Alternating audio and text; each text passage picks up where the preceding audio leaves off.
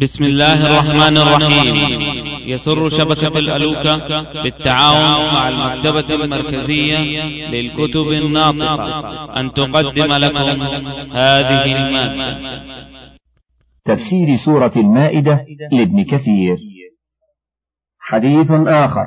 قال الإمام أحمد حدثنا يعلى حدثنا محمد بن إسحاق عن القعقاع بن حكيم أن عبد الرحمن ابن وعلة قال سألت ابن عباس عن بيع الخمر فقال كان لرسول الله صلى الله عليه وسلم صديق من ثقيف أو من دوس فلقيه يوم الفتح براوية خمر يهديها إليه فقال رسول الله صلى الله عليه وسلم يا فلان أما علمت أن الله حرمها؟ فأقبل الرجل على غلامه فقال اذهب فبعها.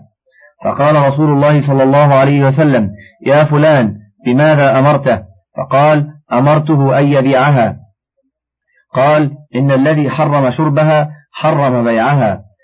فأمر بها فأفرغت في البطحاء. رواه مسلم من طريق ابن وهب عن مالك عن زيد بن أسلم ومن طريق ابن وهب أيضا عن سليمان بن بلال عن يحيى بن سعيد كلاهما عن عبد الرحمن بن وعلة عن ابن عباس به. ورواه النسائي عن قتيبة عن مالك به. حديث آخر. قال الحافظ أبو يعلى الموصلي حدثنا محمد بن أبي بكر المقدمي حدثنا أبو بكر الحنفي حدثنا عبد الحميد بن جعفر عن شهر بن حوشب عن تميم الداري أنه كان يهدي لرسول الله صلى الله عليه وسلم كل عام قاوية من خمر.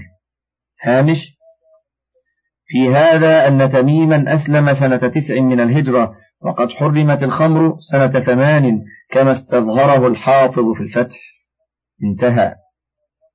فلما أنزل الله تحريم الخمر جاء بها فلما رآها رسول الله صلى الله عليه وسلم ضحك وقال إنها قد حرمت بعدك.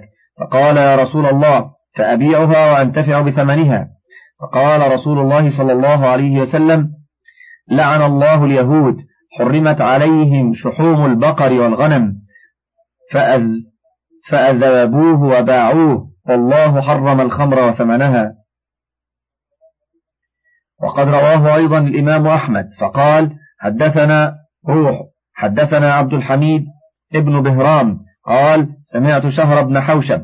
قال حدثني عبد الرحمن ابن غنم أن الداري كان يهدي لرسول الله صلى الله عليه وسلم كل عام راوية من خمر. فلما كان عام حرمت جاء براوية فلما نظر إليه ضحك فقال أشعرت أنها قد حرمت بعدك؟ فقال يا رسول الله ألا أبيعها وأنتفع بثمنها؟ فقال رسول الله صلى الله عليه وسلم لعن الله اليهود انطلقوا إلى ما حرم عليهم من شحم البقر والغنم فأذابوه فباعوه إنه ما يأكلون وإن الخمر حرام. وثمنها حرام وإن الخمر حرام. وثمنها حرام وإن الخمر حرام وثمنها حرام. حديث آخر. قال الإمام أحمد حدثنا قتيبة بن سعيد حدثنا ابن لهيعة عن سليمان بن عبد الرحمن عن نافع بن كيسان أن أباه أخبره أنه كان يتجر في الخمر في زمن رسول الله صلى الله عليه وسلم وأنه أقبل من الشام ومعه خمر في الزقاق يريد بها التجارة. فأتى بها رسول الله صلى الله عليه وسلم فقال يا رسول الله إني جئتك بشراب طيب. فقال رسول الله صلى الله عليه وسلم يا كيسان إنها قد حرمت بعدك. قال فأبيعها يا رسول الله. فقال رسول الله صلى الله عليه وسلم إنها قد حرمت وحرم ثمنها. فانطلق كيسان إلى الزقاق فأخذ بأرجلها ثم أهرقها. حديث آخر.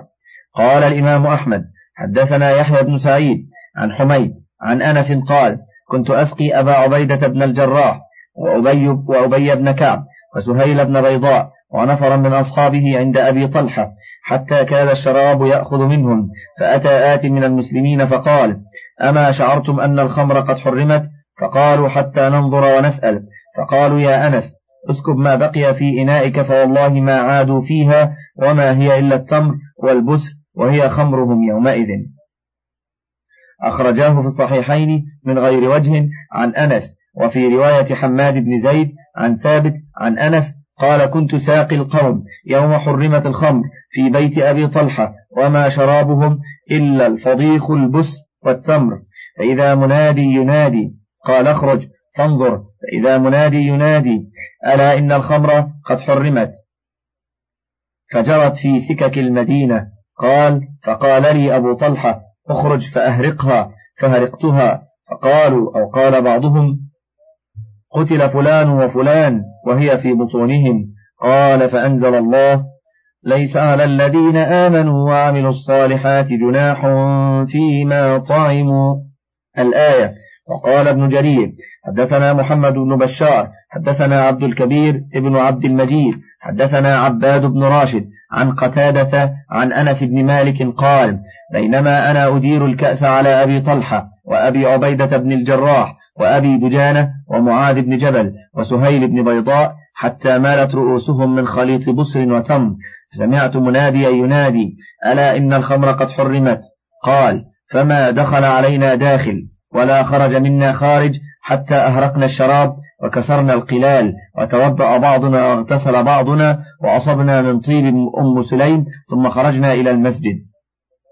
فإذا رسول الله صلى الله عليه وسلم يقرأ يا أيها الذين آمنوا إنما الخمر والميسر والأنصاب والأزلام رجس من عمل الشيطان فاجتنبوه.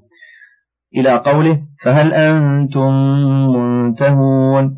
فقال رجل يا رسول الله فما ترى في من مات وهو يشربها؟ فأنزل الله تعالى ليس على الذين آمنوا وعملوا الصالحات جناح فيما طعموا الآية. فقال رجل لقتادة أنت سمعته من أنس بن مالك؟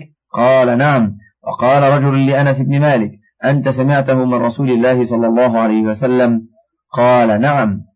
أو حدثني من لم يكذب ما كنا نكذب؟ ولا ندري ما الكذب. حديث آخر. قال الإمام أحمد حدثنا يحيى بن إسحاق أخبرني يحيى بن أيوب عن عبيد الله بن زحر عن بكر بن سوادة عن قيس بن سعد بن عبادة أن رسول الله صلى الله عليه وسلم قال إن ربي تبارك وتعالى حرم الخمر والكوبة والقنين وإياكم والغبيراء فإنها ثلث خمر العالم. حديث آخر.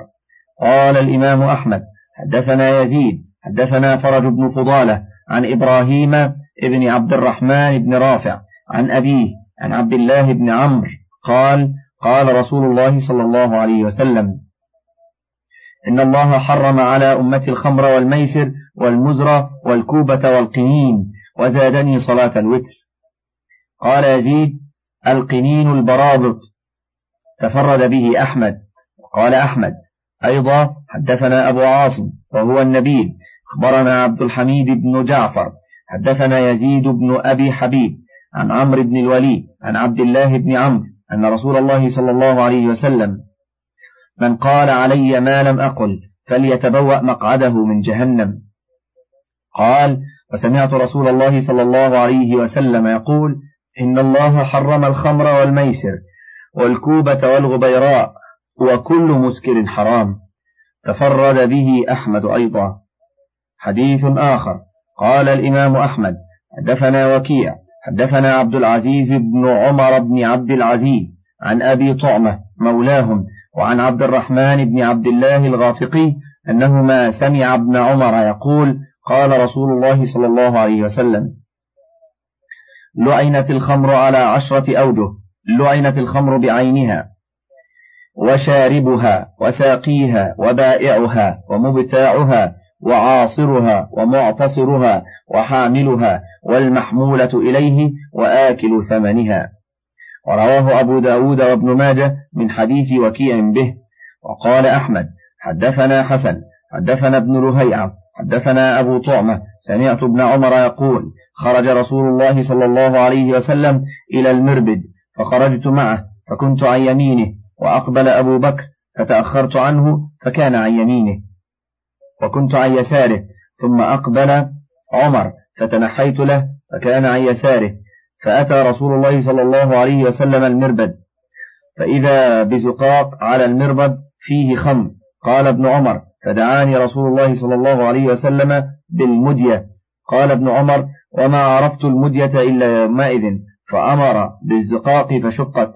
ثم قال لعنت الخمر وشاربها وساقيها وبائعها ومبتاعها وحاملها والمحمولة إليه وعاصرها ومعتصرها وآكل ثمنها. وقال أحمد حدثنا الحكم بن نافع حدثنا أبو بكر ابن أبي مريم عن ضمرة ابن حبيب قال قال عبد الله بن عمر أمرني رسول الله صلى الله عليه وسلم أن آتيه بمدية وهي الشفرة فأتيته بها فأرسل بها فأرهفت ثم أعطانيها وقال اغض علي بها. ففعلت فخرج بأصحابه إلى أسواق المدينة وفيها زقاق الخمر.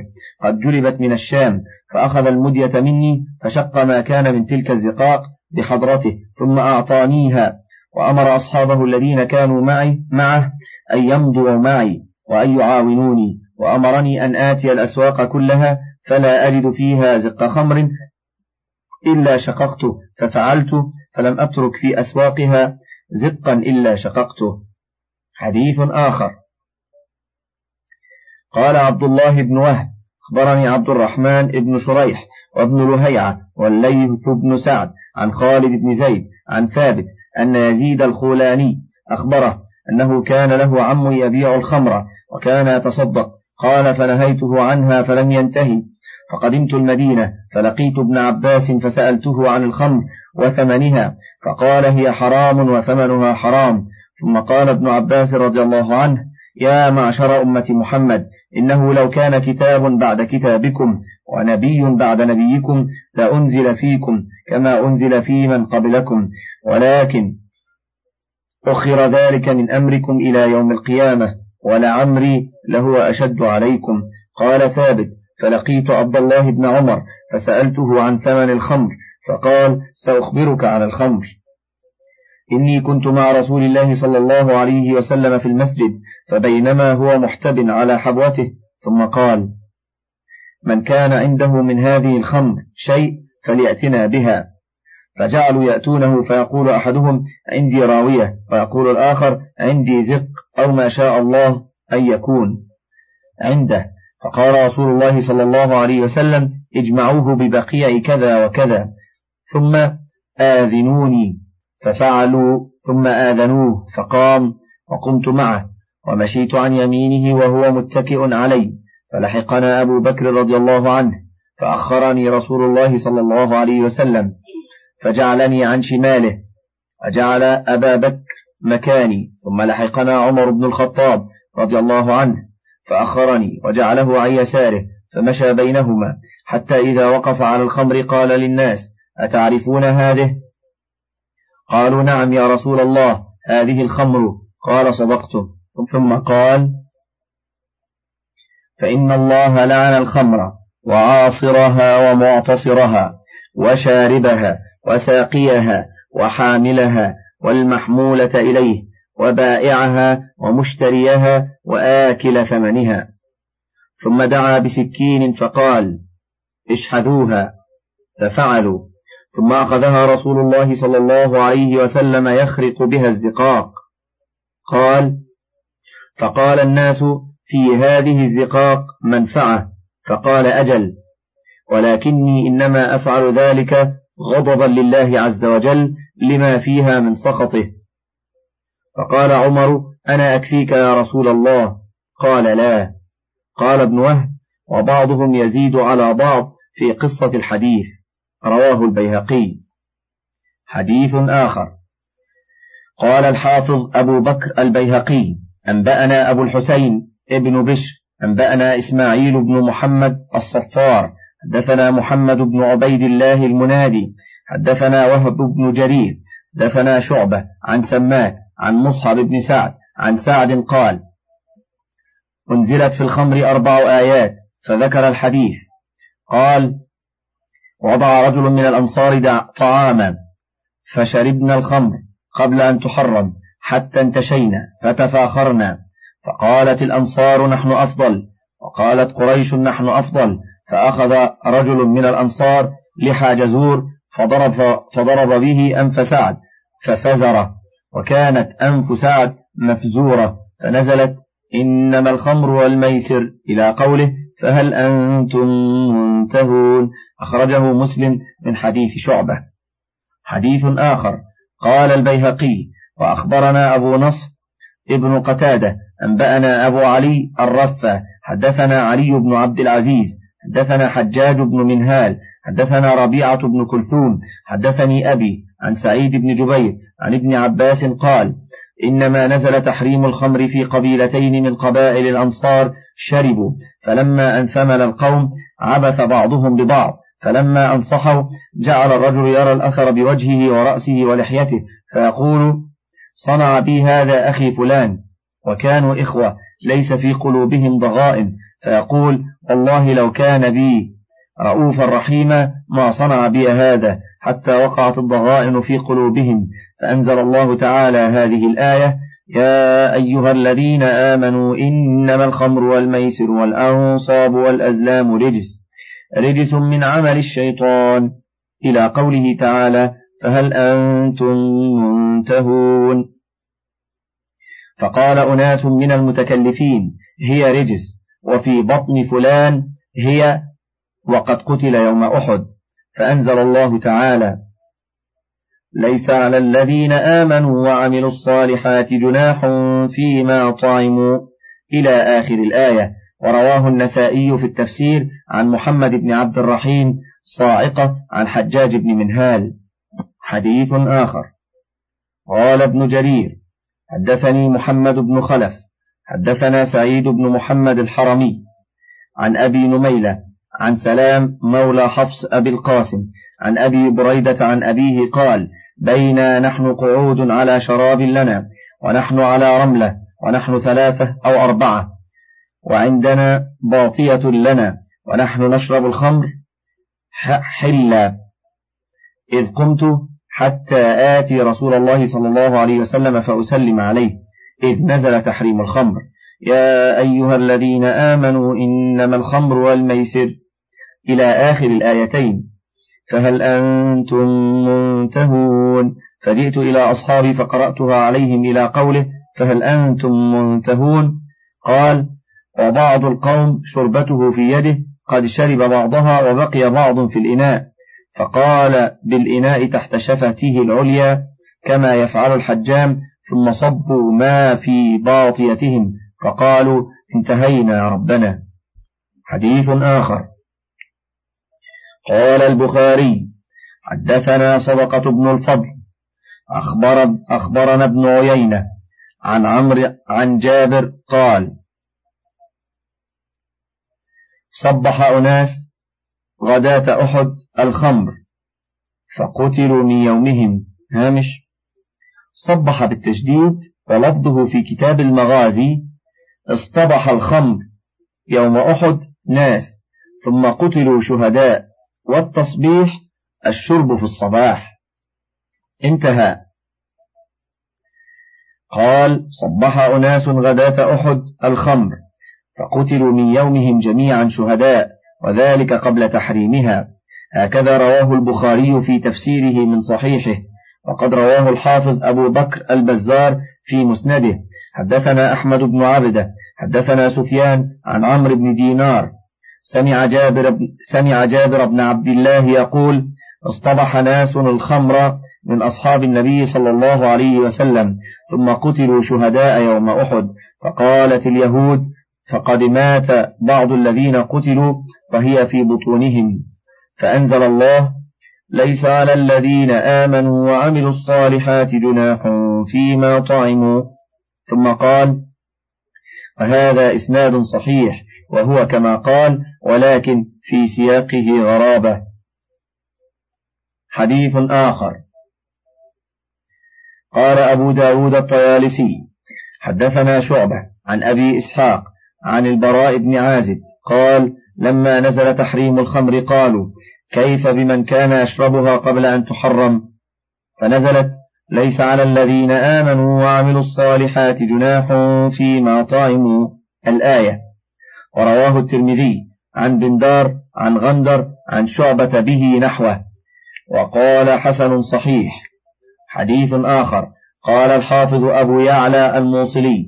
حدثنا جعفر بن حميد الكوفي. حدثنا يعقوب القني عن عيسى بن جارية عن جابر بن عبد الله قال كان رجل يحمل الخمر من خيبر إلى المدينة فيبيعها من المسلمين فحمل منها بمال فقدم بها المدينة فلقيه رجل من المسلمين فقال يا فلان إن الخمر قد حرمت فوضعها حيث انتهى على تل وسجى عليها بأكسية ثم أتى النبي صلى الله عليه وسلم فقال يا رسول الله بلغني أن الخمر قد حرمت. قال أجل. قال لي أن أردها على من ابتعتها منه؟ قال لا يصلح ردها. قال لي أن أهديها إلى من يكافئني منها؟ قال لا. قال فإن فيها مالا ليتامى في حجري. قال إذا أتانا مال البحرين فإننا نعوض أيتامك من مالهم. ثم نادى بالمدينة. فقال رجل يا رسول الله الأوعية ننتفع بها؟ قال فحلوا أوكيتها. فانصبت حتى استقرت في بطن الوادي. هذا حديث غريب. حديث آخر. قال الإمام أحمد حدثنا وكيع حدثنا سفيان عن السدي عن أبي هبيرة وهو يحيى بن عباد الأنصاري عن أنس بن مالك أن أبا طلحة سأل رسول الله صلى الله عليه وسلم عن أيتام في حجره ورثوا خمرا فقال أهرقها قال أفلا نجعلها حلا؟ فقال لا قال لا ورواه مسلم وأبو داود والترمذي من حديث الثوري به نحوه. حديث آخر. قال ابن أبي حاتم حدثنا أبي حدثنا عبد الله بن رجاء حدثنا عبد العزيز بن سلمة حدثنا هلال بن أبي هلال عن عطاء بن يسار عن عبد الله بن عمرو قال إن هذه الآية التي في القرآن يا أيها الذين آمنوا إنما الخمر والميسر والأنصاب والأزلام رجس من عمل الشيطان فاجتنبوه لعلكم تفلحون. قال هي في التوراة إن الله أنزل الحق ليذهب به الباطل ويبطل به اللعب والمزامير والزفن والكبارات يعني البرابط والزمارات يعني به الدف والطنابير والشعر, والشعر والخمر.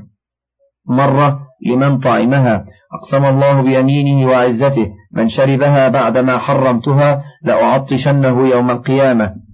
ومن تركها بعدما حرمتها لأسقينه إياها في حظيرة القدس.